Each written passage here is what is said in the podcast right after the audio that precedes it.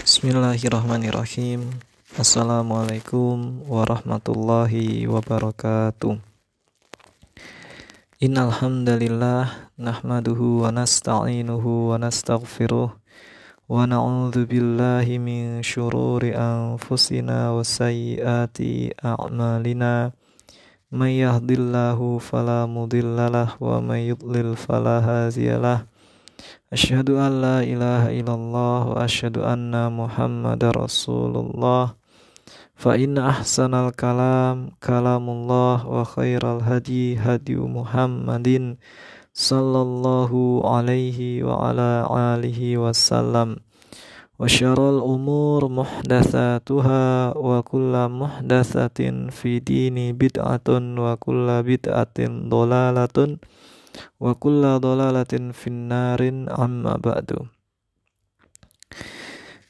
kepada seluruh pendengar Maryam IO official dan juga terhu dan juga yang terkhusus kepada mitra Maryam IO dan juga seluruh pelanggan Maryam Essential Oil. Insya Allah kita akan mulai episode pertama kita dari mengenal atau belajar essential oil dan aroma terapi. Untuk itu, eh, mari kita bersama-sama memohon kepada Allah Subhanahu wa taala agar Allah membukakan ilmu ini kepada kita semua sehingga kita bisa menyikapi maraknya atau boomingnya essential oil di negeri kita lima, lima tahun terakhir ini dengan sikap yang baik, dengan sikap yang berlandaskan dengan ilmu, bukan dengan sikap yang terburu-buru, sikap yang la, uh, latah, yang gumunan, dan yang semisalnya.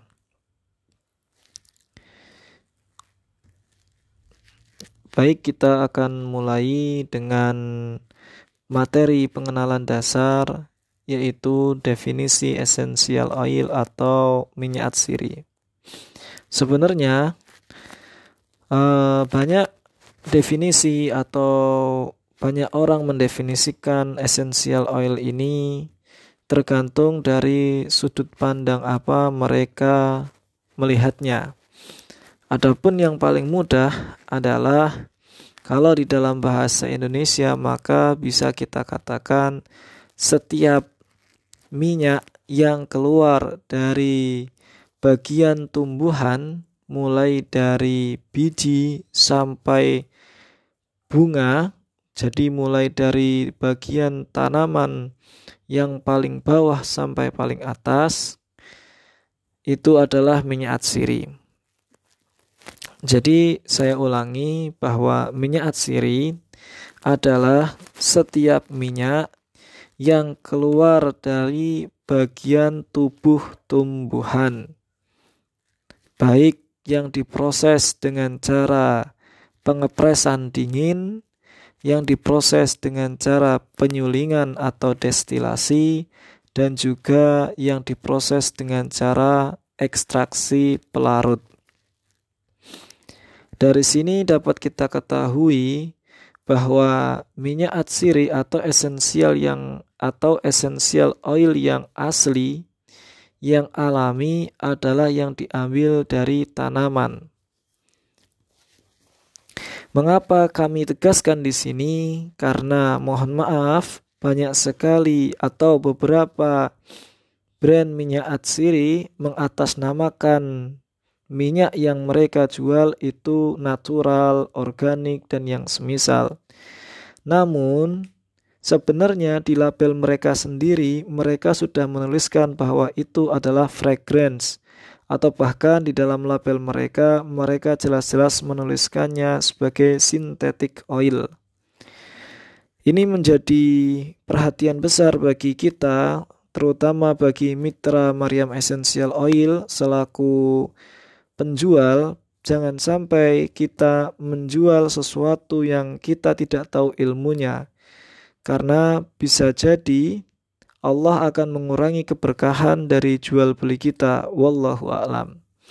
Dan bagi kita selaku konsumen atau pengguna, maka telitilah apa yang akan kita beli. Tanyakan secara detail kepada para penjual minyak atsiri.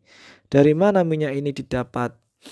Jangan-jangan mereka menjual hanya berdasarkan, oh ini yang lagi laris, oh ini yang masih ramai, oh belinya di sana saja. Harganya murah, nanti bisa saya jual dengan harga tinggi, kemudian saya dapat untung besar.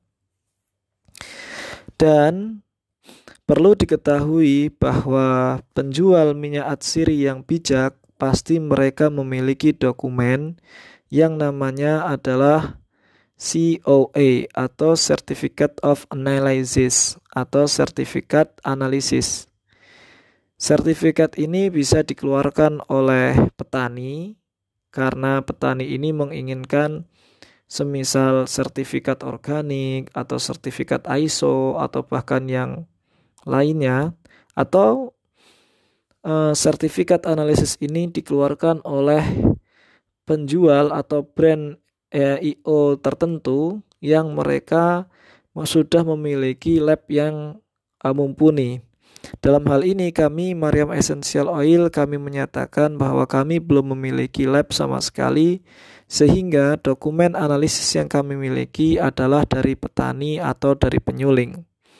Jadi sekali lagi kami e, mengatasnamakan minyak ini alami atau tidak. Mohon maaf selama ini kami lakukan berdasarkan dengan dokumen dari petani yang pertama. Namun tidak hanya itu, kami juga membandingkan dari sifat-sifat fisik minyak yang kami beli untuk kemudian kami jual dengan data literatur. Manakala tidak cocok atau tidak sesuai, maka sebisa mungkin tidak kami jual atau bahkan kalaupun kami ju kami terpaksa menjual maka kami akan mengatakan cacat barangnya.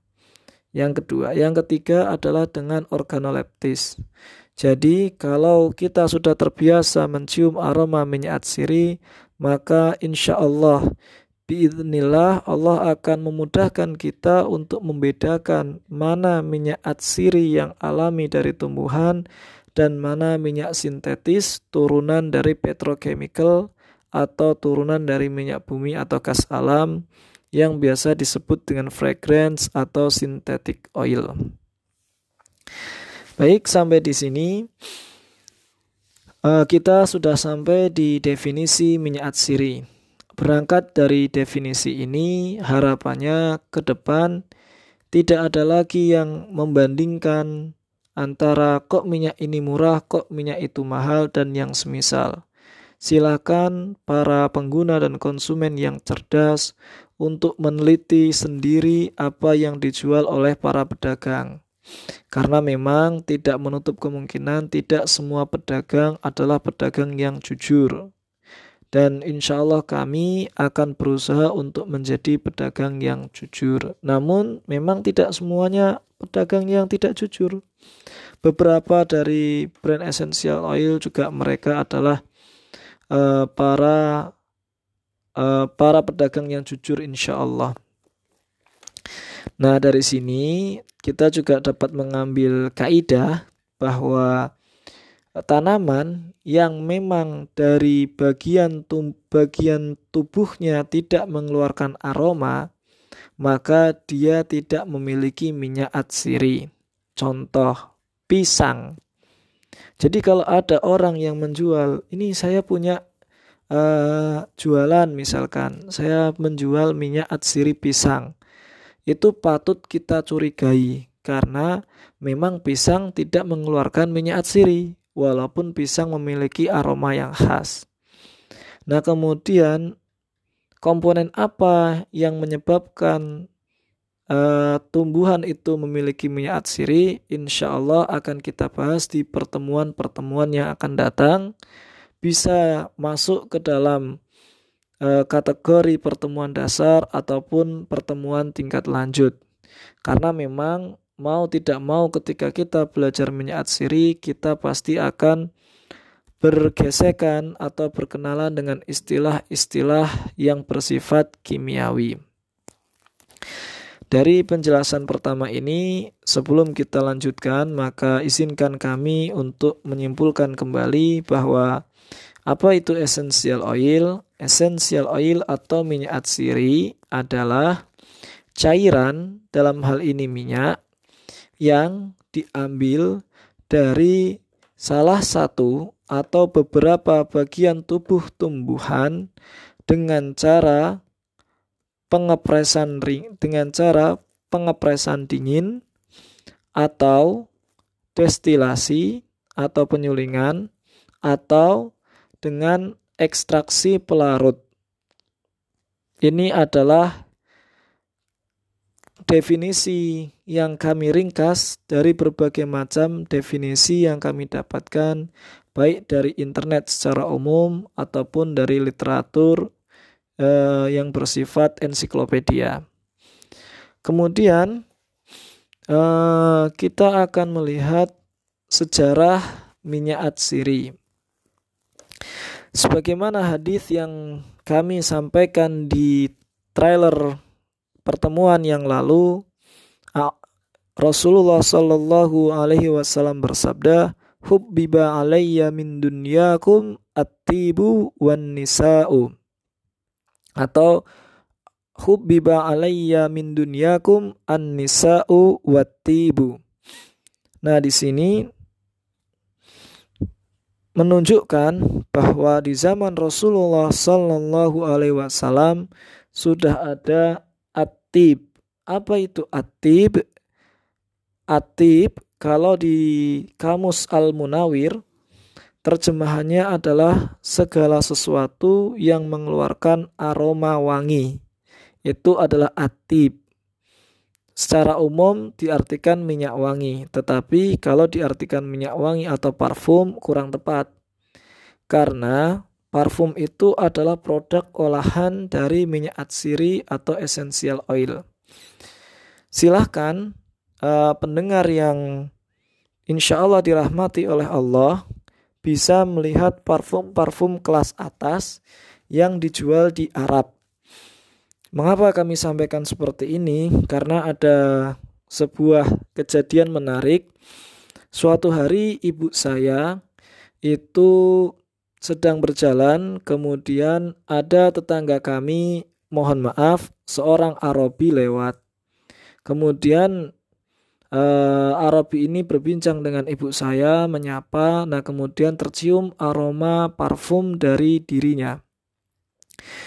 Nah kemudian ibu saya langsung menyukai parfum yang dipakai oleh tetangga kami ini. Kemudian menyampaikan kepada saya dan akhirnya saya bertanya kepada tetangga. Akhi, parfum yang antum pakai mereknya apa? Kemudian jenisnya apa begitu. Beliau hanya tersenyum dan mengatakan, ini saya beli di Mekah Bahtiar. Oh iya. Ketika saya tanya mereknya apa, mohon maaf saya tidak sam akan sampaikan mereknya. Mereknya sebut saja bunga seperti itu. Oh bunga. Kemudian yang varian apa? Varian Woody. Jadi merek bunga varian Woody. Saya iseng cari di internet, kemudian di marketplace. Ternyata saya dapatkan apa komposisinya? Komposisinya tidak lain adalah minyak atsiri, grapefruit, patchouli, kemudian amber, satunya lagi saya lupa, mohon maaf. Jadi memang parfum-parfum kelas atas itu isinya adalah minyak atsiri, bukan uh, bukan turunan dari petro petrokimia. Walaupun tidak menutup kemungkinan turunan petrokimia itu pun tetap ada baik sebagai fiksatif, apa itu fiksatif insya Allah akan kita bahas ataupun juga sebagai uh, tiruan karena bahan alamnya sudah mulai langka atau bahkan mendekati kepunahan. Misalkan seperti misik atau kesturi yang diambil langsung dari kelenjar ekor atau kelenjar uh, dekat bagian kemaluan dari kijang. Baik, kita lanjutkan. Berarti uh, minyak atsiri ini telah hadir jauh-jauh hari sebelum Rasulullah Shallallahu Alaihi Wasallam menyampaikan hadis ini. Hubbiba alayya hubbiba alayya min dunyakum atibu wan nisa'u. Telah dijadikan kecintaan bagiku dari dunia kalian yaitu yakni uh, minyak wangi dan wanita. Nah, kemudian di dalam salah satu literatur yang kami dapatkan bahwa kebudayaan tertua yang menggunakan atau menemukan minyak atsiri pertama kali adalah Mesir. 3500 sebelum Masehi. Untuk apa? Ternyata secara umum minyak atsiri ini digunakan untuk mumifikasi. Berarti untuk uh, mempertahankan atau mengawetkan zat hidup. Perhatikan kalimat kami mengawetkan zat hidup, mempertahankan struktur kehidupan yang ada di dalam zat hidup ini agar tidak usang dimakan zaman. Ada yang menarik dari kalimat saya ini bahwa saya sempat atau istri saya sempat melihat sebuah kalimat yang unik dari penjual skincare. Di dalam kalimat itu dikatakan, dahulu mumi itu atau Fir'aun diawetkan dengan bahan-bahan alami, yaitu essential oil. Namun sekarang orang modern mengawetkan diri dengan bahan-bahan sintetis. Ini sangat uh, bertolak belakang ya. Karena sebenarnya bahan-bahan sintetis ini tidak bisa mengawetkan atau bahkan akan akan menimbulkan efek yang tidak atau kurang baik di kemudian hari. Namun saya kurang kurang hafal bahasa marketingnya, tapi kalau kita baca atau kita lihat lagi bahasa marketingnya lebih bagus dari apa yang saya sampaikan. Baik, intinya bahwa dahulu ya sejak zaman Firaun uh, itu minyak atsiri sudah digunakan untuk mengawetkan jenazah atau jazat Firaun. Firaun ini adalah istilah untuk raja-raja Mesir. Ada yang namanya Ramses, Ramses I, Ramses II, Ramses III, dan nama-nama yang lain. Dan salah satu minyak atsiri yang digunakan untuk mengawetkan jenazah Fir'aun adalah campur atau barus. Ya nanti kita akan bahas insya Allah tentang uh, campur ini supaya kita tidak salah paham. Misalkan contohnya kita biasa membeli kapur barus di swalayan atau di toko. Kemudian aromanya khas kapur barus bagaimana yang biasa kita kita indrai begitu. Tetapi minyak atsirinya aromanya jauh berbeda. Kok bisa ya? Nah, itu ada perbedaan. Tapi tidak kita bahas sekarang. Ala kulihal bahwa sejak 3500 tahun sebelum Masehi Mesir sudah berguna sudah menggunakan minyak atsiri dan salah satunya adalah campur dan tahukah bahwa campur itu diambil dari mana? Diambil dari negeri kita tercinta Nusantara Raya, Indonesia harga mati. Nah, mengapa? Berarti uh, mengapa demikian? Karena uh, produsen campur saat itu yang terbesar adalah di Sumatera. Saya kurang saya lupa tempatnya di sebelah mana. Tapi ala kulihal itu adalah produsen uh, campur ya campur essential oil terbesar saat itu 3500 sebelum masehi.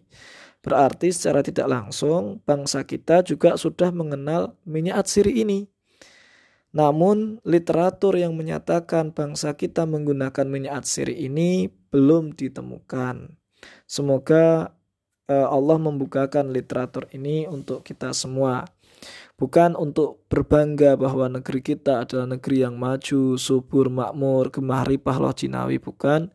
Akan tetapi untuk uh, pengetahuan dan untuk hal-hal yang semisal.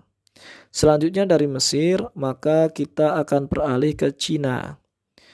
Cina di 500 tahun setelah Mesir itu menggunakan minyak atsiri untuk eh, pengobatan. Ya, di sini di, di, disampaikan untuk pengobatan. Kemudian ada juga di peradaban India. Eh, ini harusnya India didahulukan, tetapi literatur yang saya baca ini India tidak dituliskan secara spesifik. Kemudian biasa ya, sebagaimana sejarah-sejarah urutan peradaban mulai dari India, Mesir, kemudian Cina, kemudian Yunani hampir sama untuk urutan minyak atsiri juga sama.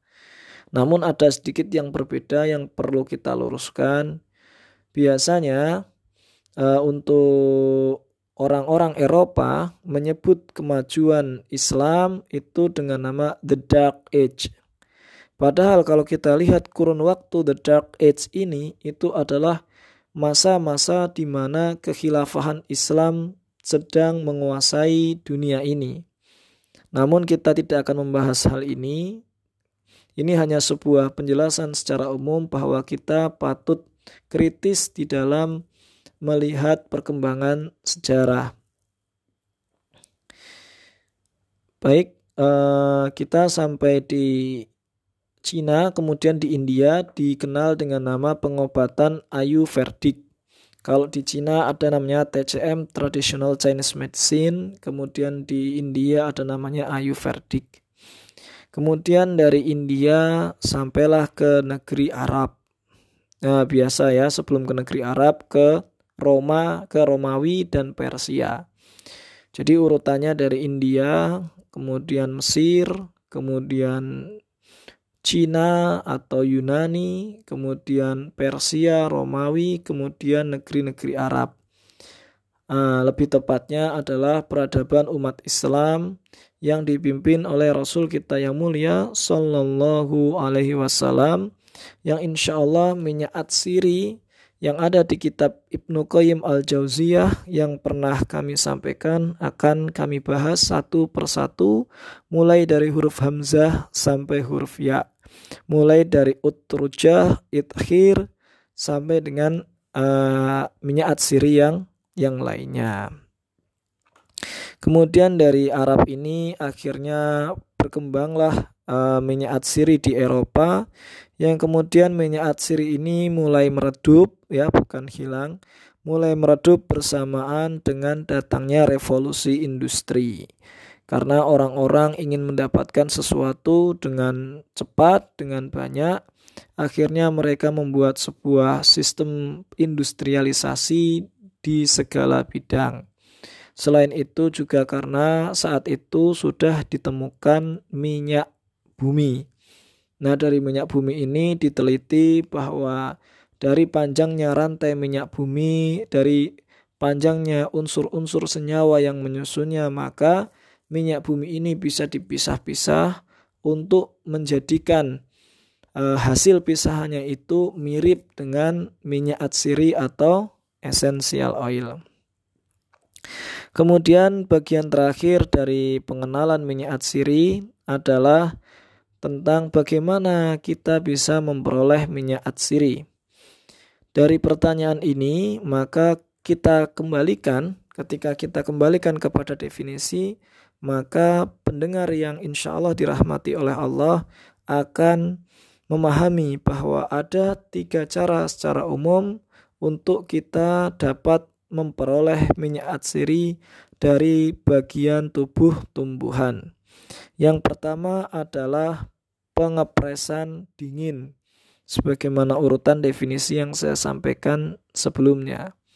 Pengepresan dingin ini biasanya digunakan untuk minyak-minyak yang memiliki kadar minyak tinggi dan umumnya adalah kelompok jeruk-jerukan. Karena kulit jeruk kulit jeruk itu mengandung minyak yang cukup banyak. Kalau kita menggunakan sistem destilasi atau penyulingan, kita menggunakan biaya yang cukup mahal. Tetapi manakala kita menggunakan pengepresan dingin, kita cukup membuat dengan alat press. Kita press, kemudian dihasilkan sebuah campuran minyak dan air dan kemudian kita pisahkan. Dan hampir seluruh essential oil dari kelompok jeruk-jerukan yang dijual oleh Maryam jadi Mariam Essential Oil ini menjual essential oil yang citrus itu hampir seluruhnya dari pengepresan dingin kulit jeruk kecuali kafir lem atau minyak jeruk purut itu kami ambil dari proses destilasi daun bukan dari jeruknya. Kemudian untuk proses yang berikutnya adalah destilasi atau penyulingan. Jadi destilasi ini adalah bayangkan saja kalau kita sedang menanak nasi. Baik, eh, yang masih menanak nasi dengan eh, apa namanya? dengan selain magicom ya. Magicom. Jadi alat yang ajaib nasi kemudian direndam air, kemudian dipencet. Nah, sudah jadi eh maaf, beras direndam air, kemudian dinyalakan mesinnya, beberapa menit kemudian sudah menimbulkan, eh, maaf, sudah jadi nasi. Namun menanak nasi yang kami maksud adalah yang menggunakan dandang, ya kalau bahasa Jawanya adalah dandang. Nah, proses destilasi itu mirip dengan proses kita memasak beras menjadi nasi dan lebih spesifik lagi saat pengukusan. Ada dua proses di dalam destilasi ini yang diistilahkan dengan water distillation atau steam distillation. Bedanya apa? Bedanya kalau steam distillation itu persis seperti kita menanak nasi. Karena air ada di bawah, kemudian ditutup dengan irek kalau bahasa Jawa, kemudian uh, beras yang sudah dimasak sebelumnya diletakkan di atas irek tadi.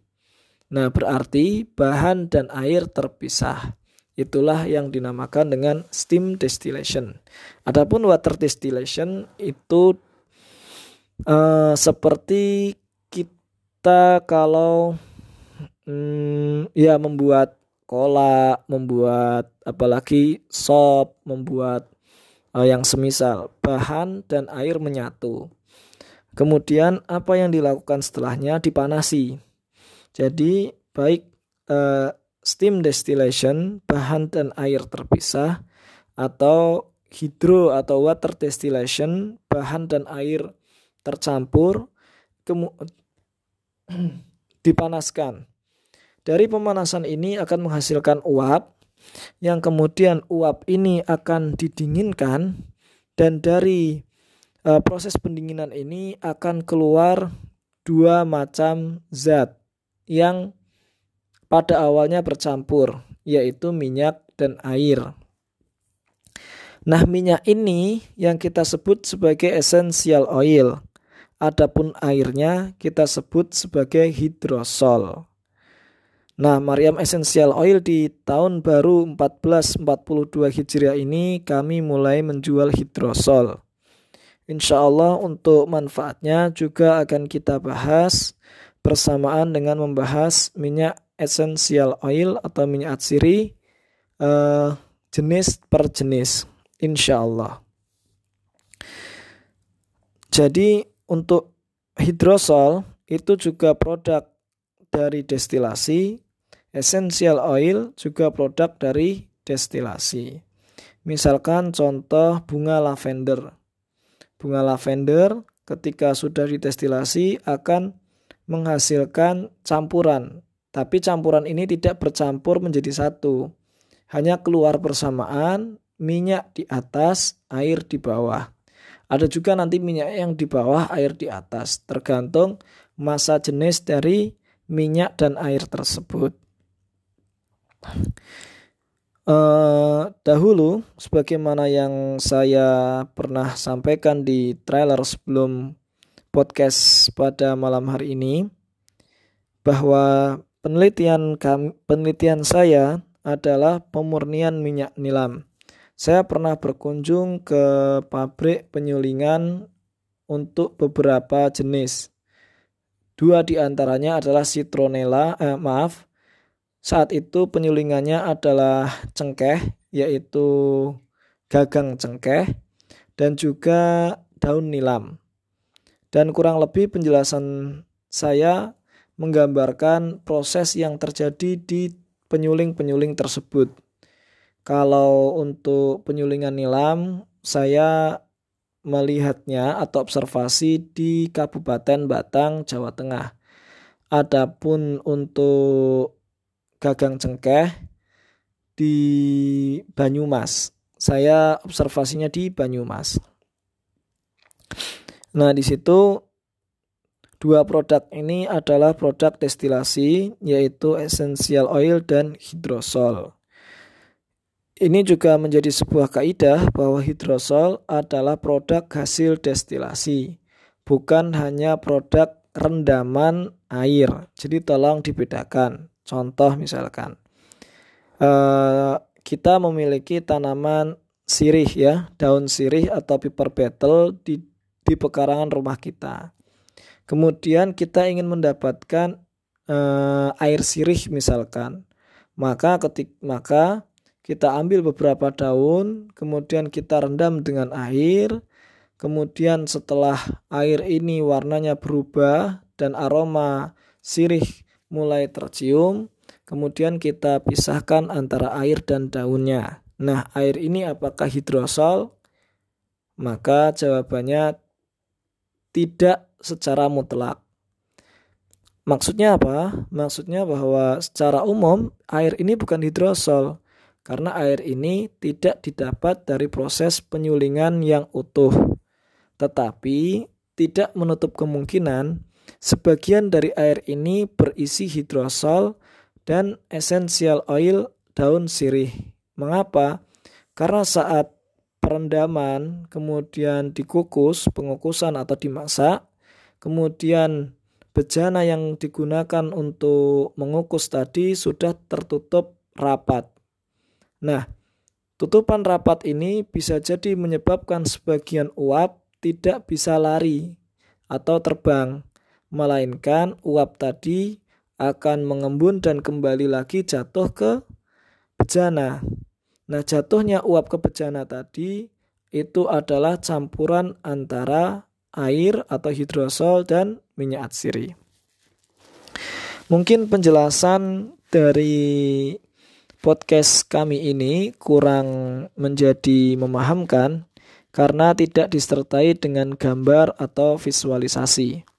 Namun demikian, tidak mengapa karena keterbatasan kami untuk membuat channel YouTube yang berisi visualisasi dari apa yang kami sampaikan. Semoga Allah memahamkan pendengar ketika mendengar apa yang saya sampaikan ini. Dan terakhir adalah metode ekstraksi yaitu pelarut yaitu uh, hampir sama dengan destilasi. Hanya saja bedanya kalau ekstraksi menggunakan pelarut tertentu baik menggunakan panas ataupun tanpa panas. Secara umum pelarut yang biasa digunakan adalah normal solvent. Jadi untuk essential oil yang berasal dari proses ekstraksi, maka ada beberapa lembaga atau mungkin uh, perkumpulan atau asosiasi minyak atsiri yang tidak menyebut uh, eh, IO dari ekstraksi ini sebagai essential oil, tetapi menyebutnya sebagai absolut. Karena memang Dilihat dari kekentalan minyaknya itu secara umum lebih kental daripada yang hasil dari proses dua sebelumnya. Namun demikian, di pasar Indonesia, minyak atsiri atau essential oil dari proses ekstraksi pelarut masih disebut sebagai essential oil. Walaupun kami dari Mariam IO tidak menyebutnya 100% pure. Pembaca yang insya Allah dirahmati oleh Allah, bisa membedakan produk kami dari label yang ada atau yang kami pasang di botol yang kami jual. Jika tertulis 100% pure essential oil, maka insya Allah prosesnya ada dua. Entah dari pengepresan dingin atau dengan destilasi.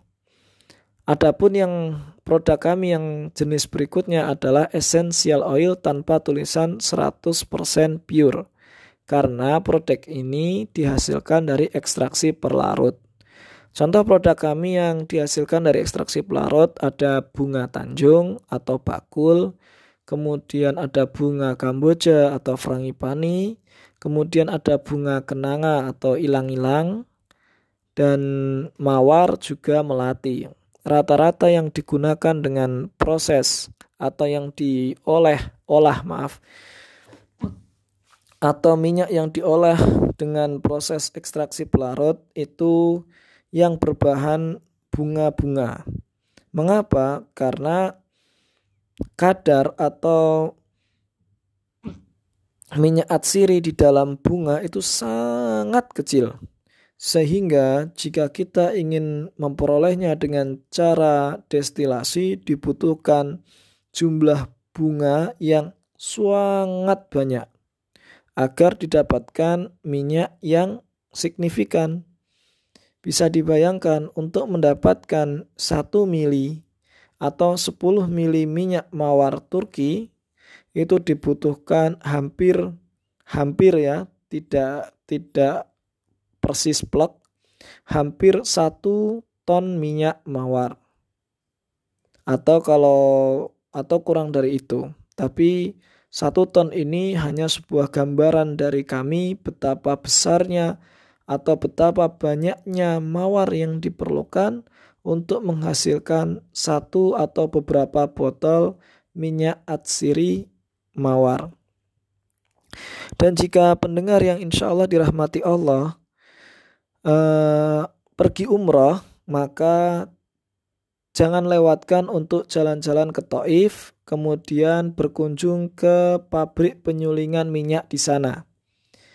Insya Allah pendengar yang dirahmati oleh Allah akan melihat beberapa produk di antaranya yang pernah kami jumpai ada air peppermint atau hidrosol peppermint orang Arab menyebutnya dengan nama nak nak nak. Nak nak. Saya pernah meminumnya dan memang di perut rasanya masya Allah. Jadi memang peppermint ini spesialis untuk pencernaan. Baik untuk apa namanya kalau penyakitnya orang Jawa itu masuk angin kemudian untuk begah kemudian untuk untuk penyakit-penyakit yang berhubungan dengan pencernaan yang lain dan memang peppermint, ini membawa kesegaran namun Jangan mengkonsumsi peppermint terlalu banyak karena bisa mengakibatkan uh, kurangnya sifat afrodesiak di dalam tubuh kita. Dan satunya lagi air mawar. Air mawar ini aromanya wangi dan mawar toif atau warda toifi itu sejenis dengan mar, mawar Turki atau Rosa damascena nama ilmiahnya. Dan Rosa damascena ini adalah minyak mawar yang paling tinggi kualitasnya. Dan Rosa damascena ini adalah minyak mawar yang sempat diperebutkan oleh tentara salib atau lebih tepatnya dirampas oleh tentara salib ketika mereka menjajah Palestina di masa-masa sebelum Nuruddin Zengki dan Solahuddin Ali Ayubi membebaskan Palestina. Demikian untuk pembelajaran kita mengenai dasar minyak dasar minyak atsiri atau essential oil.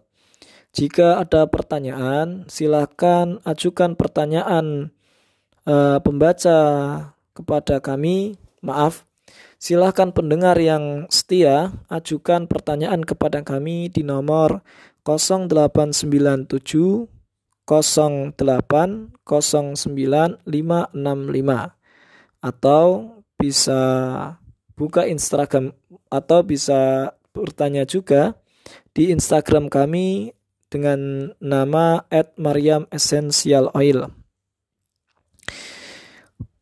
Insya Allah pertanyaan yang masuk ke kami akan kami bahas di awal podcast sebelum kami melanjutkan materi berikutnya. Materi berikutnya insya Allah masih pengenalan dengan uh, subjek atau dengan materi uh, siapa saja yang boleh menggunakan minyak atsiri ini. Insya Allah kalau tidak ada halangan materinya itu atau nanti materinya menyesuaikan dari pertanyaan yang masuk atau dari kebutuhan uh, pelanggan atau juga kebutuhan dari mitra Maryam Essential Oil. Demikian untuk podcast kita pada malam hari ini. Kalau ada kurangnya kami mohon maaf. Kalau ada tutur kata kami yang kurang berkenan, kami juga mohon maaf. Seluruh kebaikan yang kami sampaikan hanya datang dari Allah Subhanahu wa taala dan segala kekurangannya semuanya bersumber dari kelemahan diri-diri kami juga dari bisikan dan waswas syayatinul jinsi wal ins. Kita tutup dengan bacaan doa kafaratul majlis subhanakallahumma wa bihamdika astaghfiruk subhanakallahumma wa bihamdika asyhadu alla ilaha illa anta astaghfiruka wa atubu ilaik. Jangan lupa tetap terus menyimak channel kami di Maryam SN Maryam IO official dan juga uh, tetap senantiasa berikhtiar untuk menjaga dan merawat kesehatan kita dengan produk-produk dari Mariam Essential Oil. Sekali lagi, jika ada pertanyaan atau ingin bergabung dengan kami, bisa mengunjungi kami di Instagram kami at Mariam Essential Oil atau di nomor 0897 0809 565. Jazakumullah khairan wa barakallahu fikum atas uh, kesediaannya mendengarkan pemaparan penjelasan dasar-dasar esensial oil dari kami. Insya Allah semoga Allah merahmati kita semua dan semoga Allah kembali mempertemukan kita di kelanjutan dari materi kita. Wassalamualaikum warahmatullahi wabarakatuh.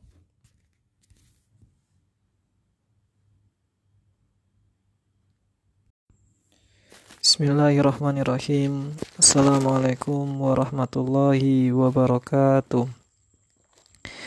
Innalhamdulillah Nahmaduhu wa nasta'inuhu wa nastaghfiruh Wa billahi min syururi anfusina wa sayyiati a'malina. Wa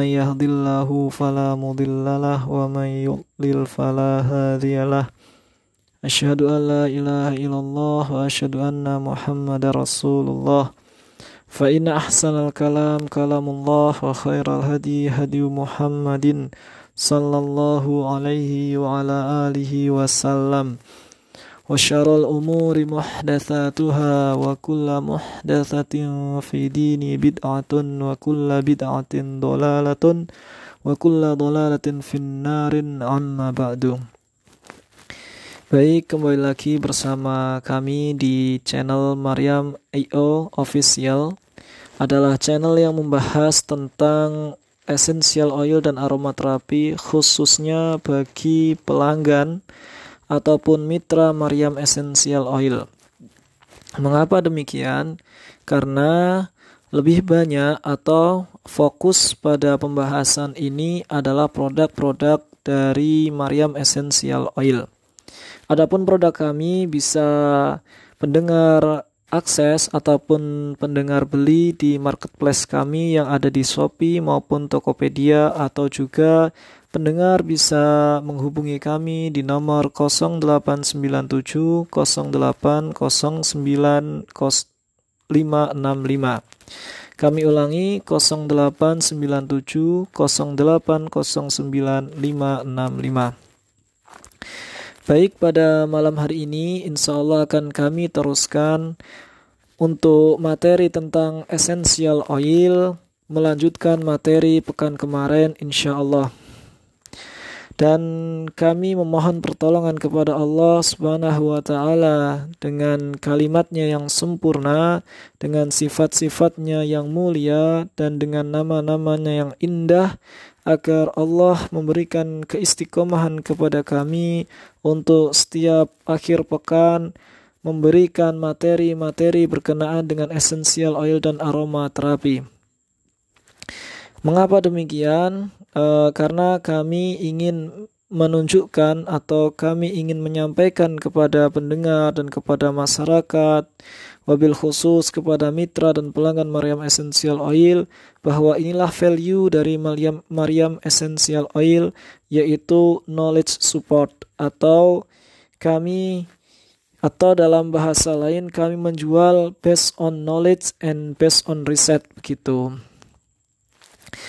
Uh, malam kemarin saat saya sedang berusaha untuk memperbaiki materi, alhamdulillah Allah pertemukan saya dengan beberapa kitab Tibun Nabawi yang dikarang bukan eh, yang dikarang oleh ulama selain ulama selain Ibnu Qayyim Al-Jauziyah yang memang sudah umum terkenal dengan judul kitab ini. Dari kitab-kitab yang ada, beberapa kitab itu modelnya sama dengan yang ditulis oleh beliau Ibnul Qayyim Al-Jauziyah rahimahullah. Jadi ada dua sampai tiga bab utama yang membahas tentang pengobatan Nabi.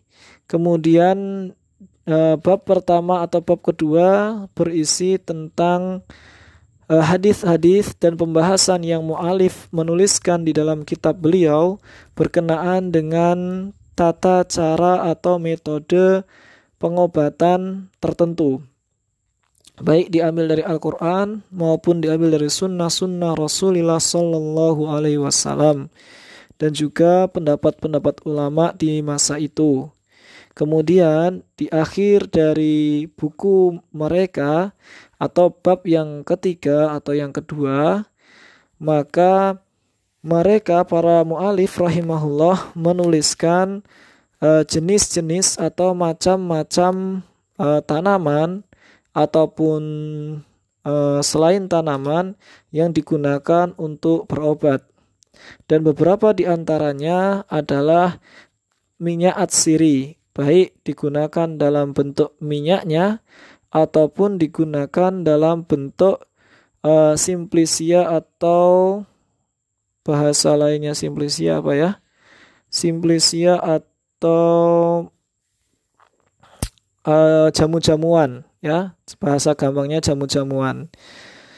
Sebenarnya saya juga sudah menulis berkenaan dengan hal ini jadi saya sudah mengumpulkan dari beberapa kitab Tibun Nabawi eh, bahan-bahan atau tanaman-tanaman yang digunakan atau yang ditulis di dalam kitab-kitab Tibun Nabawi yang diurutkan dari huruf Hamzah sampai dengan huruf Ya.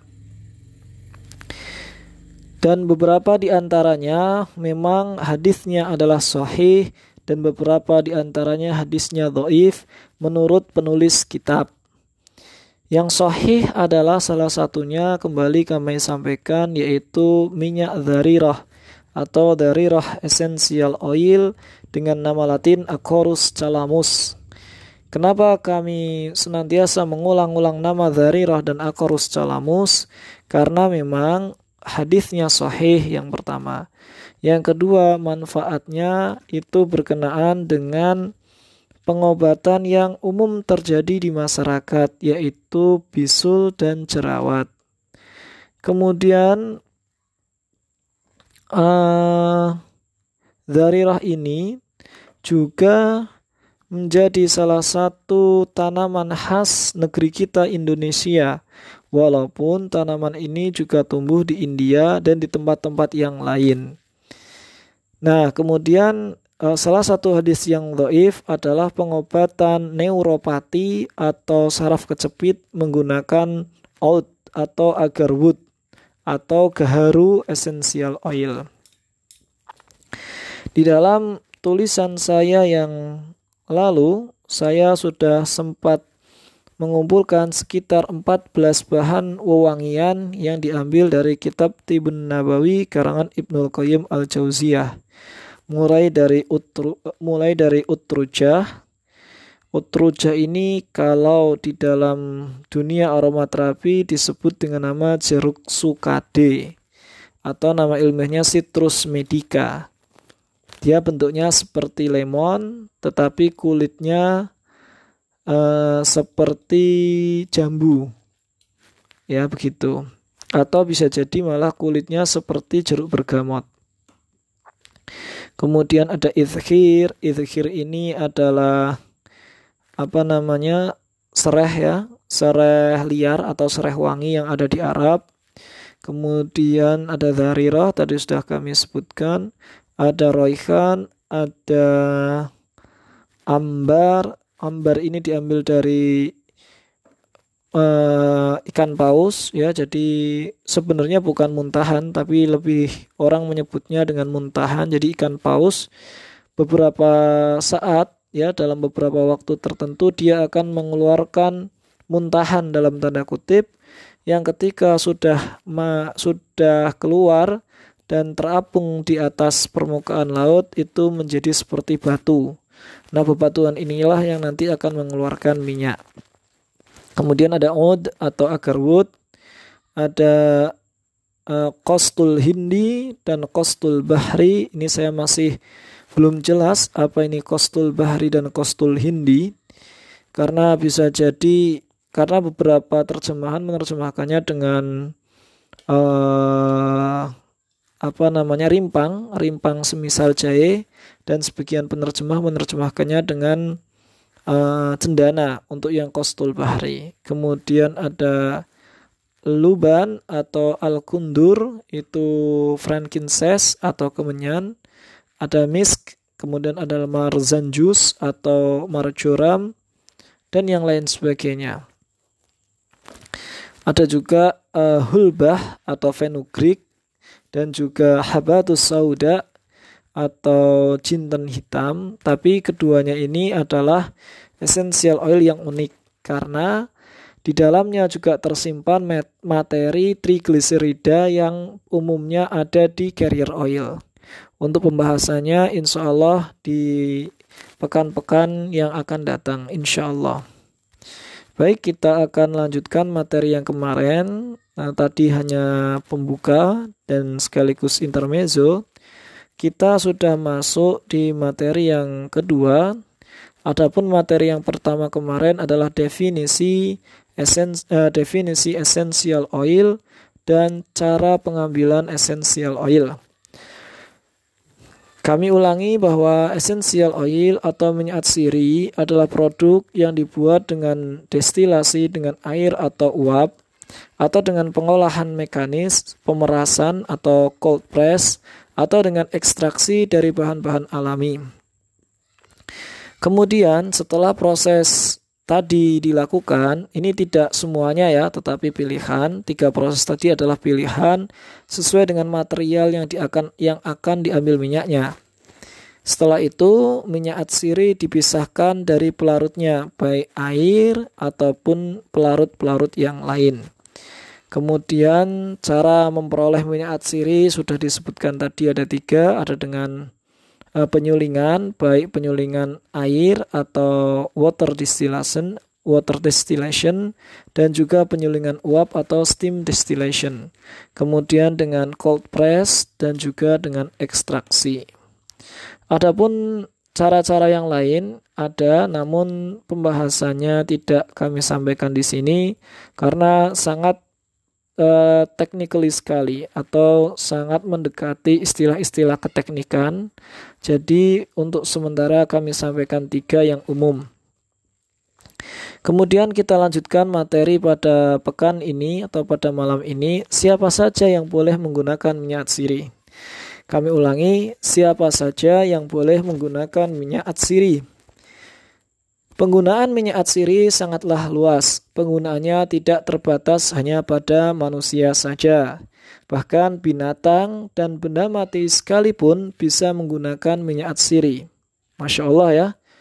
Uh, Fabi ayyi ala rabbikuma tukadziban maka nikmat Rabbmu yang manakah yang engkau dustakan ya jadi Allah sudah menciptakan tanaman beberapa di antaranya menghasilkan minyak atsiri dan manfaatnya bisa dipakai oleh seluruh makhluk Allah Subhanahu wa taala dari yang hidup sampai yang mati. Secara umum, penggunaan minyak atsiri adalah untuk kesehatan dan perawatan diri. Perhatikan, kami ulangi, penggunaan minyak atsiri adalah untuk kesehatan dan perawatan diri. Jadi, ini bukan hanya untuk orang sakit, bukan, tetapi untuk merawat diri kita agar tetap tampan dan tetap cantik atau tetap bugar agar apa? Agar kita agar menunjang aktivitas ibadah kita kepada Allah Subhanahu wa taala itu yang utama. Kemudian menunjang aktivitas duniawi kita yang lain yang ketika itu diniatkan untuk mencari ridho Allah itu juga bermakna beribadah kepada Allah misalkan mencari rizki, ya, kemudian mengajar dan lain sebagainya.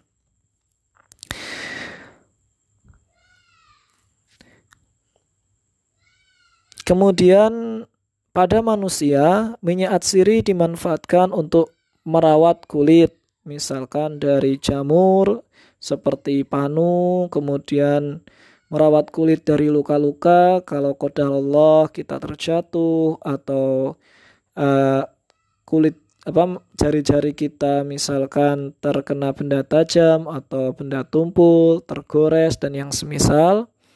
Kemudian untuk perawatan rambut baik dari kerontokan, kutu, jamur atau untuk melem, melebatkan rambut, memanjangkan rambut dan untuk menjaga daya tahan tubuh terutama di saat-saat pandemi seperti sekarang ini. Dan untuk pandemi ini, kami memiliki tiga essential oil yang bisa pendengar e, manfaatkan atau konsumsi. Yang pertama, untuk menjaga imunitas tubuh, kami ada essential oil blend yaitu Rotma.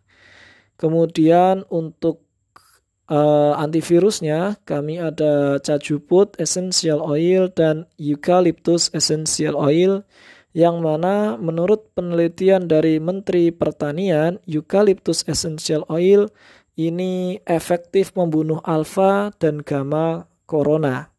Namun kita sadari bahwa virus corona tidak hanya alfa dan gamma corona, melainkan variannya banyak. Namun ini hanya ikhtiar. Adapun yang menjaga kita adalah Allah Subhanahu wa taala Al-Aziz, Al-Jabbar yang Maha Kuat, yang mampu menjaga kita dari segala macam mara bahaya. Sebagaimana zikir pagi dan petang Bismillahilladzi la yadhurru ma'asmihi syai'un fil ardi wala fis sama wa huwas samiul alim. Dengan menyebut nama Allah Bismillahilladzi la yadhurru tidak akan memudaratkan. La, la yadurru ma fis sama wal ard apa-apa yang ada di langit dan di bumi. Jadi dengan membaca doa ini kemudian ditambah ikhtiar dengan meminta pertolongan Allah menggunakan wasilah esensial oil, insya Allah Allah akan jaga kesehatan kita. Mengapa essential oil ini bermanfaat untuk manusia, baik untuk kesehatan dan perawatan tubuh? Karena essential oil memiliki beberapa macam kandungan yang sesuai dengan bahan yang uh, diambilnya. Di antara kandungan yang umum yang ada pada minyak siri adalah antibakteri, anti jamur, anti mikroba, bahkan antivirus. Sebagaimana yang saya sampaikan uh, sebelum ini. Jadi Masya Allah, betapa Allah sangat mencintai kita betapa ini adalah kasih sayang Allah bagi manusia, anak keturunan Adam dan Hawa yang telah Allah turunkan ke dunia. Kemudian, selain manusia, siapa lagi yang bisa memanfaatkan essential oil? Di antaranya adalah binatang ya untuk pembahasannya insya Allah di pekan-pekan yang akan datang. Ala kulihal manfaatnya juga sama merawat uh, kulit, menjaga kesehatan dan bisa juga untuk yang sifatnya hormonal misalkan merangsang sistem reproduksi dan yang semisal. Berikutnya yang tak kalah penting adalah manfaat esensial oil untuk benda mati. Benda mati ini berarti bukan benda hidup tentunya. Di antara benda mati yang bisa menggunakan minyak atsiri adalah furniture. Jadi furniture yang dari kayu ya untuk pelapisnya misalkan untuk tahan rayap atau tahan jamur dan yang semisal maka bisa menggunakan kombinasi dari beeswax dan juga dari patchouli essential oil. Untuk beeswaxnya kami juga menyediakan, namun sementara ini kami menggunakan beeswax ini untuk produk kami sendiri yaitu Natural Healing Balm dengan nama Dawa. Jadi healing balm ini digunakan untuk seluruh keluhan kulit biidnillah. Selain furniture atau perabot rumah tangga, ada juga untuk benda-benda kuno, semisal keris, kemudian surat-surat kuno, agar tidak dimakan rayap ataupun lapuk oleh pelapukan-pelapukan yang sifatnya kimiawi, biologis, ataupun uh, fisika. Itu untuk penggunaan. Kemudian Kapan essential oil itu digunakan? Jadi, essential oil ini tidak hanya digunakan saat kita diuji oleh Allah Subhanahu wa taala dengan beberapa ujian. Misalkan qadarullah tiba-tiba anak kita terjatuh, kemudian memar atau bahkan misalkan keluar darahnya tidak tidak hanya untuk itu maksud kami, tapi Essential oil juga bisa digunakan uh, dalam rutinitas kita. Misalkan beberapa di antara konsumen kami mengeluhkan alergi debu, alergi dingin, dan alergi yang lain, maka bisa menggunakan produk kami yaitu inhaler dengan nama Hisasia. Hisasia adalah produk inhaler yang kami khususkan untuk eh, orang-orang uh, yang memiliki alergi. Biasanya efek dari alergi ini berbeda-beda tiap orangnya. Ada yang gatal-gatal, kemudian ada yang batuk-batuk, ada yang bersin-bersin, dan yang lainnya. Terus bagaimana kok bisa hanya dengan menghirup essential oil kemudian efek dari alergi kita bisa terkurangi atau bahkan Allah angkat. Untuk materinya insya Allah menyusul di pekan-pekan berikutnya. Jadi, kapan essential oil digunakan? Essential oil digunakan satu secara rutin dan yang kedua dalam kondisi tertentu atau terbatas. Secara rutin bisa digunakan dengan menggunakan inhaler tadi atau dengan diffuser untuk meningkatkan kualitas tidur kita sehingga istirahat kita berkualitas dan kita siap untuk beraktivitas di keesokan harinya. Uh, adapun untuk oh, selain itu juga bisa digunakan untuk mandi atau untuk rendaman kaki. Bagi yang mungkin mohon maaf selama satu harian penuh mengenakan kaos kaki dan mengenakan sepatu bisa bisa bisa jadi atau memung, sangat mungkin mbak di sela-sela jarinya itu tumbuh jamur ataupun eh, kalau bahasa Inggrisnya di buku-buku essential oil itu atlet foot Ingat, jangan salah menerjemahkan ya. Atlet foot ini bukan kaki atlet, melainkan uh, semisal uh, jamur yang ada di sela-sela kaki. Bagaimana caranya dengan rendaman? Ini bisa digunakan rutin atau ya tadi misalkan uh, kita kodarullah sering kecapean, sering pusing-pusing setelah aktivitas ya, baik di rumah maupun di tempat kerja maka bisa menggunakan essential oil untuk mandi, untuk rendaman kaki, untuk kompres misalkan, dan pemakaian yang lain yang insya Allah akan kita bahas secara khusus di pekan-pekan yang akan datang. Insya Allah. Kemudian untuk pemakaian tertentu atau terbatas digunakan saat terjadi keluhan fisik atau mental. Seperti tadi terjatuh, kemudian tergores, atau bahkan ketika sesak nafas, stres, atau saat mual muntah. Kami ada produk untuk ibu hamil. Untuk ibu hamil ini produknya dibagi berdasarkan e, masa kandungan. Berarti ada tiga masa ya, trimester awal, trimester pertengahan, dan trimester akhir. Biasanya trimester awal ini yang digunakan adalah essential oil untuk meningkatkan mood dan juga uh, mood and soul care kalau bahasa kami. Jadi mood and soul care. Jadi digunakan untuk mempengaruhi kondisi uh, kejiwaan terutama dan juga mempengaruhi kondisi pikiran agar perkembangan janin di awal-awal pertumbuhannya itu Allah lindungi dengan perkembangan yang baik.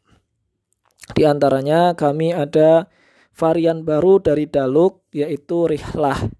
Walaupun namanya rihlah atau perjalanan, maka eh, minyak-minyak uh, yang ada di dalamnya ini tidak hanya digunakan untuk mereka yang sedang melakukan perjalanan, melainkan lebih kepada untuk perawatan tadi soul and mood care.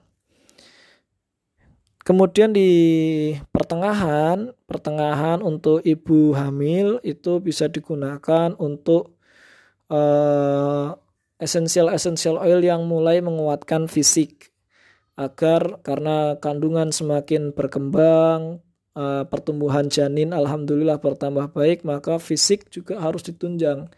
Biasanya kalau seperti pengalaman kami di rumah, istri saya di pertengahan trimester itu biasanya sering sakit-sakit di daerah pinggang, pinggul, kemudian betis.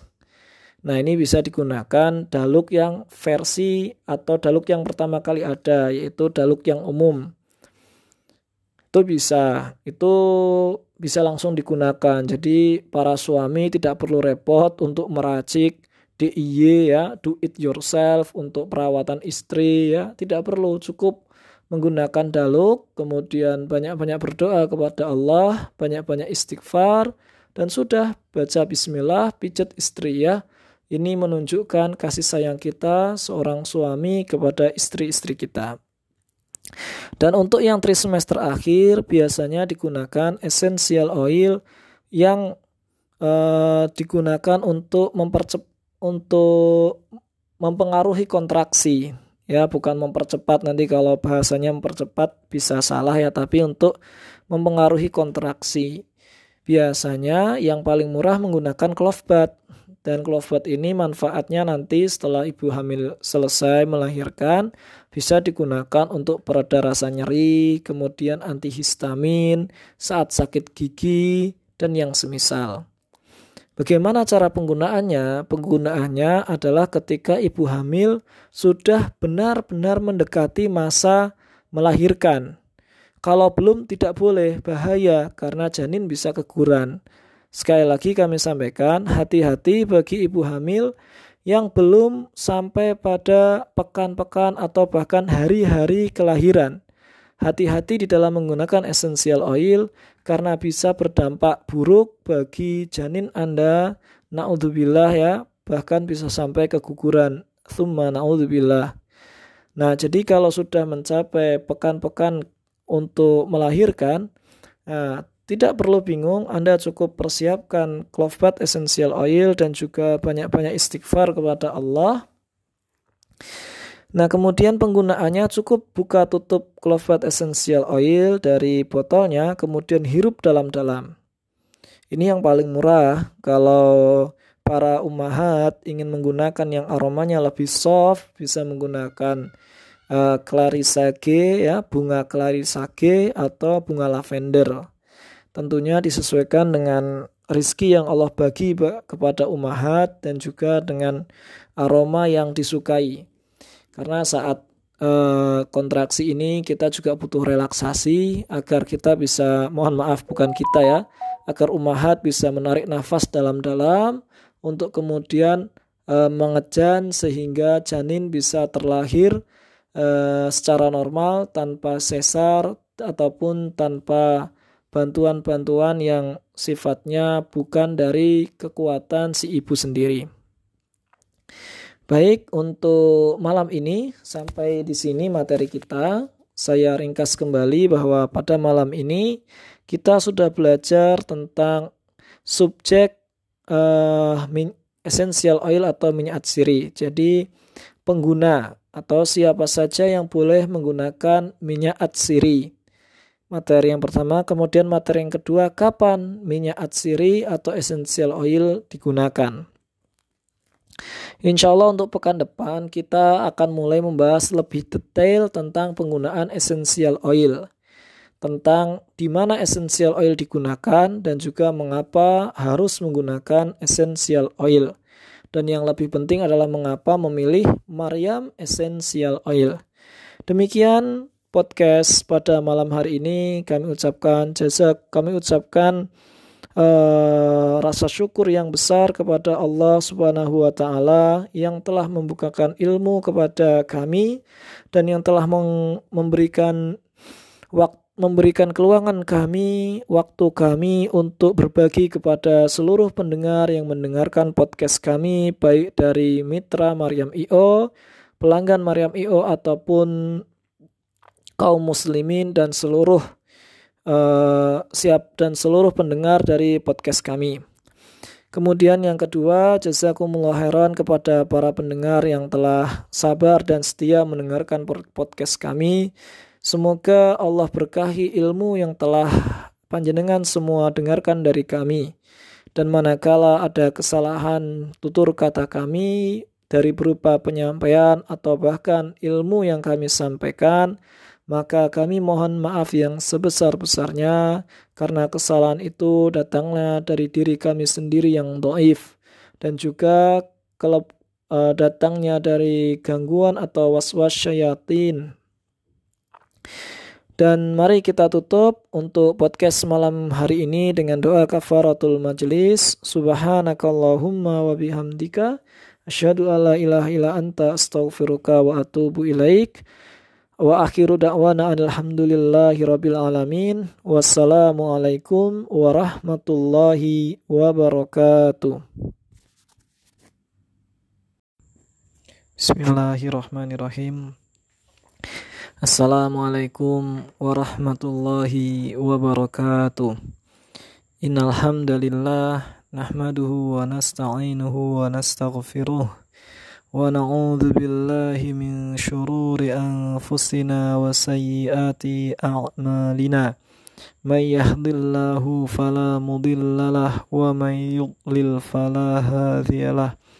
أشهد أن لا إله إلا الله وأشهد أن محمد رسول الله. أما بعد. فإن أحسن الكلام كلام الله وخير الهدي هدي محمد صلى الله عليه وعلى آله وسلم وشر الأمور محدثاتها وكل محدثة في دين بدعة وكل بدعة ضلالة وكل ضلالة في النار عما بعد Insya Allah pada malam hari ini kita akan melanjutkan materi kita yang lalu berkenaan dengan pengetahuan dasar tentang penggunaan essential oil atau minyak atsiri. Sebelumnya jazakumullah khairan kepada seluruh pendengar yang telah mendengar saluran kami di Mariam Official baik di aplikasi Anchor ataupun aplikasi Google Podcast ataupun SoundCloud ataupun aplikasi podcast-podcast yang lain. Barakallahu fikum. Dan bagi yang baru mendengarkan, uh, ahlan wa sahlan bihudurikum. Silahkan uh, mulai dari awal agar tidak terpotong atau agar bisa memahami berkenaan dengan minyak atsiri ini dari awal. Baik, kami mohon maaf karena sedianya kami seharusnya menyampaikan materi pada setiap Sabtu malam. Akan tetapi Allah di Sabtu malam kemarin kami ada satu dua urusan yang harus segera diselesaikan. Tidak mengapa, Alhamdulillah di malam ini Allah memberikan keluangan waktu kepada saya untuk melanjutkan materi. Langsung saja kita lanjutkan materi berikutnya masih berkenaan dengan pengenalan essential oil adalah tentang mengapa harus memakai essential oil atau mengapa memilih essential oil daripada terapi yang lain ataupun atau bahkan menggunakan obat-obatan farmasi.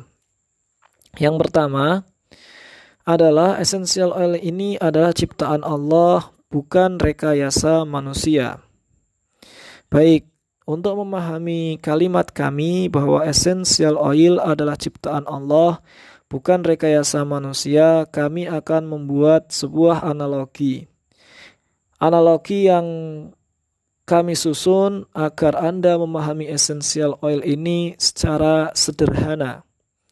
Pernahkah Anda pergi untuk uh, membeli jus ya atau membeli sayur-sayuran?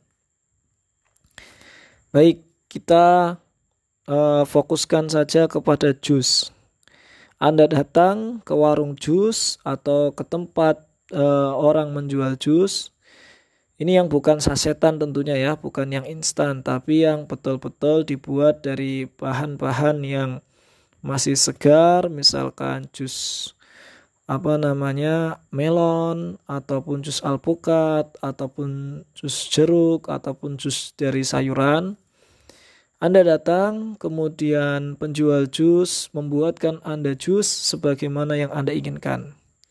Apa yang dilakukan oleh penjual jus ini adalah merubah makhluk ciptaan Allah, yaitu buah-buahan ataupun sayuran, ke dalam minuman yang siap Anda santap untuk kesehatan Anda. Anda butuh vitamin A, mineral, dan lain sebagainya.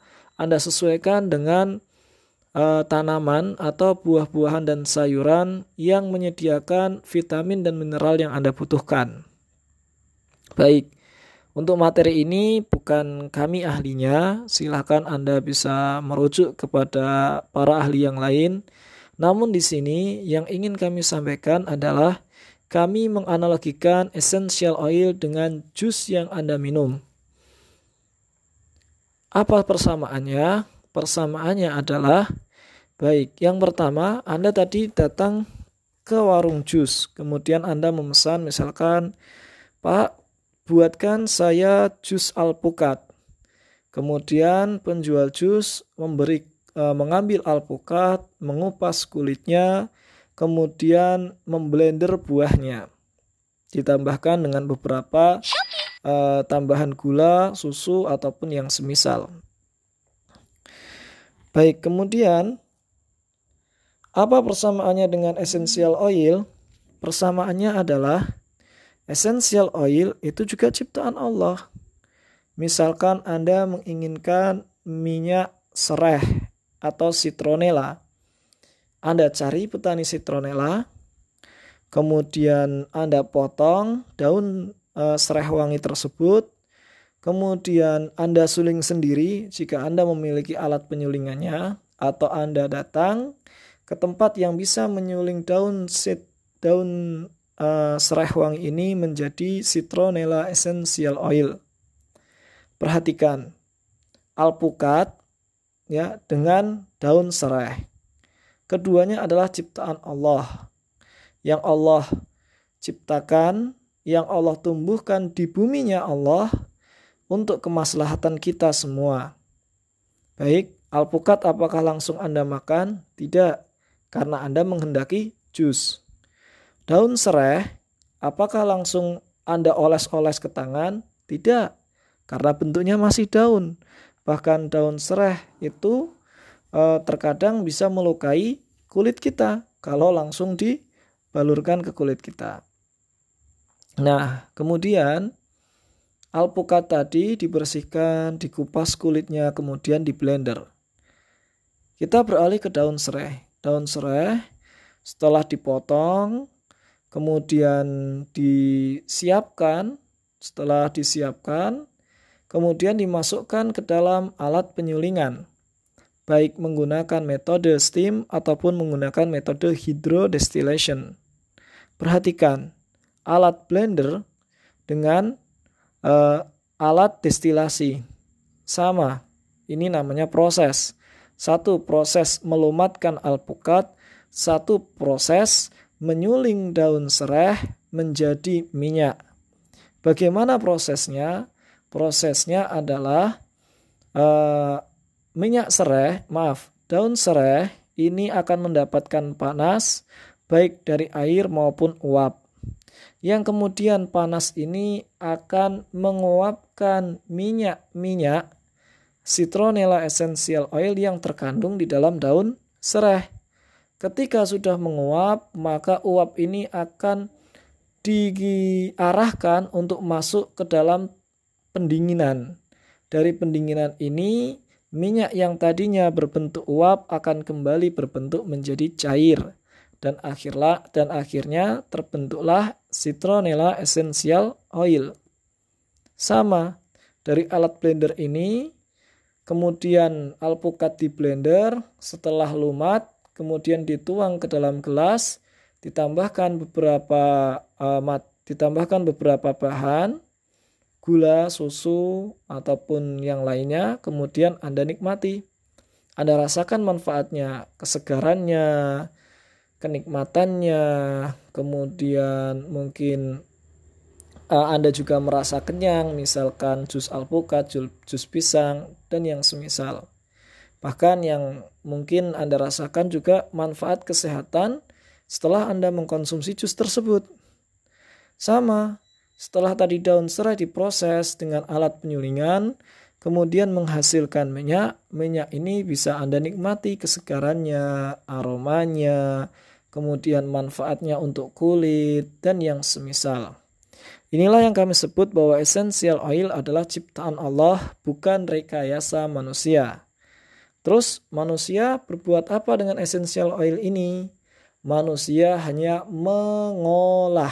Ingat, kata kuncinya adalah mengolah, bukan merekayasa.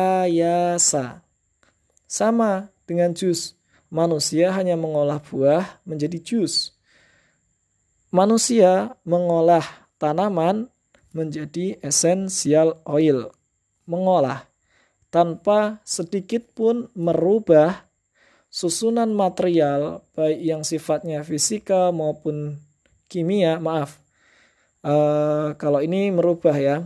Uh, maksudnya adalah tanpa merekayasa sedikit pun bahan baku yang Allah ciptakan langsung yang Allah tumbuhkan di buminya Allah. Berbeda dengan uh, obat-obatan farmasi. Mohon maaf bagi Anda yang uh, berasal dari kesehatan, baik Anda adalah seorang dokter, apoteker, ataupun yang semisal, uh, perlu kami sampaikan hal ini bukan kami ingin melawan Anda, bukan kami ingin menentang Anda, bahkan menghalangi gerak langkah Anda, bukan. Mari kita, mari kita sama-sama fahami, mari kita sama-sama sadari bahwa ada sesuatu yang perlu kita perbaiki bersama. Baik, kita kembali ke obat-obatan farmasi. Obat-obatan farmasi ini adalah rekayasa manusia. Mengapa? Karena Allah tidak langsung menciptakan obat-obatan ini di alam. Misalkan eh, paracetamol, kita tidak dapati Misalkan buah atau sayuran yang kita olah secara sederhana tiba-tiba menghasilkan paracetamol. Tidak. Namun sebelumnya diawali dengan beberapa proses, bahkan mungkin di uh, beberapa sintesis dari bahan alam atau bahan non alam sehingga menghasilkan paracetamol. Dan ini terjadi sejak mulainya revolusi industri baik di Inggris maupun Prancis. Sejak saat itu industri besar-besaran e, menjadi marak dan berkembang pesat. Nah, apakah mengkonsumsi uh, rekayasa manusia itu terlarang? Kami tidak berani menyebutkan bahwa itu terlarang. Karena kalau memang lembaga keagamaan, misalkan MUI dan yang semisal memberikan label halal, maka hasil rekayasa manusia ini halal dan silakan Anda konsumsi. Namun ya bahwa Allah memerintahkan kita tidak hanya memakan makanan yang halal tetapi juga halalan toyiban, halal dan baik. Contoh kerupuk halal, halal. Apakah baik? Belum tentu. Kemudian misalkan ikan lele yang sudah membusuk satu pekan. Apakah halal? Halal. Karena semua bangkai ikan halal. Tapi apakah baik? Belum tentu. Nah inilah yang ingin kami sampaikan. Inilah value yang ingin kami sampaikan kepada kepada mitra essential oil ya khususnya dan kepada seluruh pendengar umumnya bahwa Mari kita mulai selektif terhadap apa yang kita konsumsi. Sebaiknya kita mengkonsumsi segala sesuatu yang halal dan toyib baik. Itu adalah makna essential oil adalah ciptaan Allah bukan rekayasa manusia. Kemudian essential oil adalah material alami dan bukan sintetis. Ya, sebagaimana yang saya sampaikan tadi bahwa essential oil langsung dari alam, manusia hanya mengolah. Dan yang sintesis, maaf, yang sintetis salah satunya adalah obat-obatan farmasi. Mohon maaf, kami tidak sedang menentang industri farmasi. Hanya kami menyampaikan apa adanya berdasarkan ilmu kami. Mana yang lebih baik? Wallahu a'lam. Akan tetapi apa yang Allah turunkan jauh lebih baik daripada rekayasa manusia. Mengapa demikian? Karena belum tentu yang direkayasakan oleh manusia itu diridhoi oleh Allah. Itu yang pertama. Lah kan terjadi di dunia, terwujud iya, karena Allah sudah mentakdirkannya. Tetapi tidak setiap takdir itu Allah ridhoi. Ridho Allah itu bermakna sebuah kebaikan. Adapun takdir Allah itu adalah sebuah uh, kepastian atau ketetapan hukum yang sudah Allah tulis. Sebagai contoh misalkan iblis berbuat kejahatan, itu adalah takdir Allah. Tapi apakah Allah meridhai kejahatan yang dilakukan oleh iblis? Tidak, karena itu bukan sebuah kebaikan.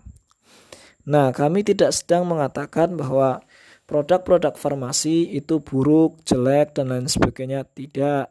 Hanya kalau ya, sekali lagi kalau kita masih bisa memilih atau masih bisa mengkonsumsi sesuatu yang dari alam yang langsung Allah tumbuhkan di buminya Allah itu jauh lebih baik insya Allah daripada hasil rekayasa manusia. Karena rekayasa manusia ini didasarkan dari asumsi di atas asumsi. Dan semuanya hanya berdasarkan uh, riset sampling yang uh, apa namanya belum tentu 100% manjur digunakan oleh semua orang, semua etnis, kemudian semua jenis apa namanya manusia dan yang semisal. Maksudnya semua jenis itu semua suku ya. Kita ambil sebuah ilustrasi.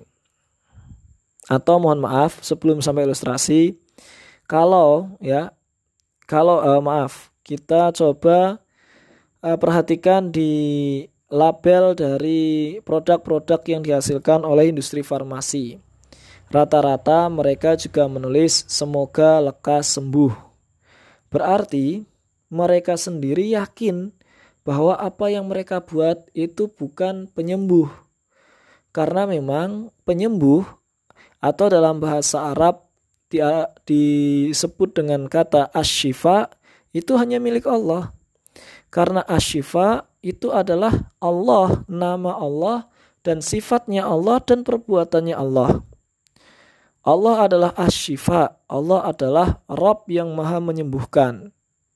Dan kesembuhan Allah itu adalah kesembuhan yang sempurna.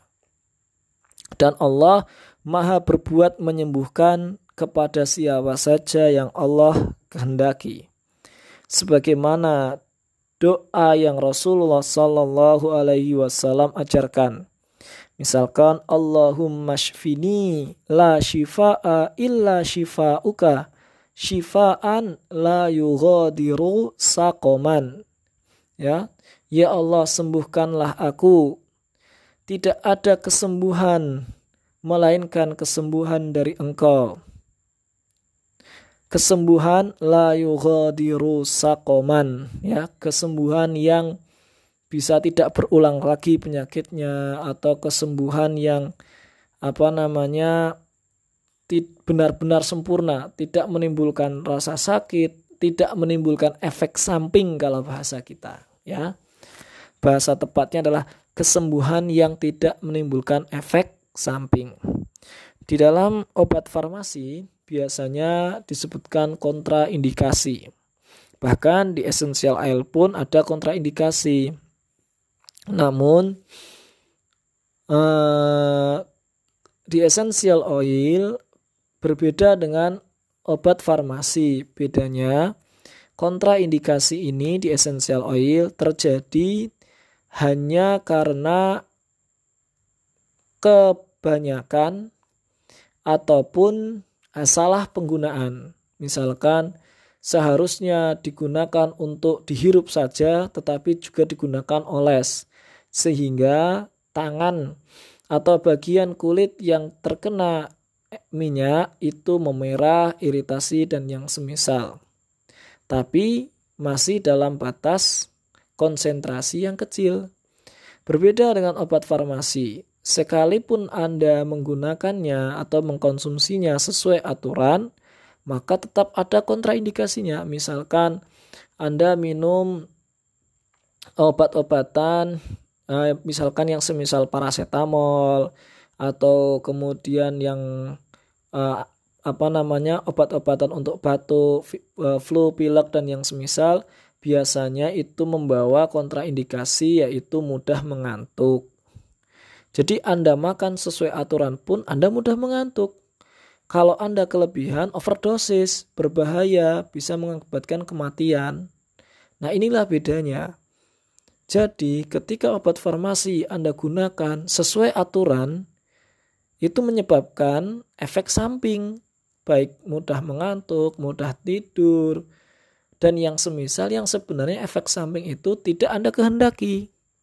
Berbeda dengan essential oil, jika Anda menggunakannya sesuai aturan, insya Allah tidak ada efek sampingnya. Efek samping ini terjadi ketika Anda menggunakannya tidak sesuai dengan A aturan.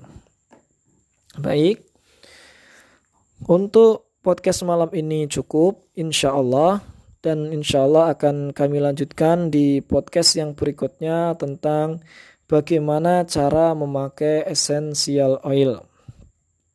Ya, sebenarnya ingin kami jadikan satu, namun sepertinya materi ini perlu pembahasan tersendiri, bahkan bisa satu atau dua kali pertemuan karena tadi membahas masalah yang uh, sangat urgent di essential oil yaitu tentang pedoman pemakaian. Karena kalau salah pemakaian akan menimbulkan kerusakan bahkan kematian. Nauzubillahi min dalik.